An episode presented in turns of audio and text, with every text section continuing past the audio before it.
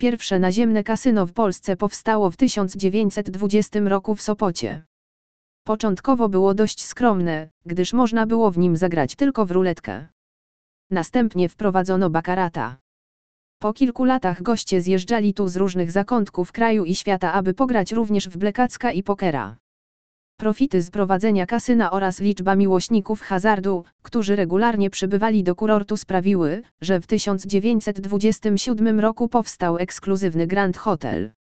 Kasyna powstawały oczywiście także w innych miastach Polski. Z każdym rokiem przybywało gier hazardowych, tak, aby w latach 80.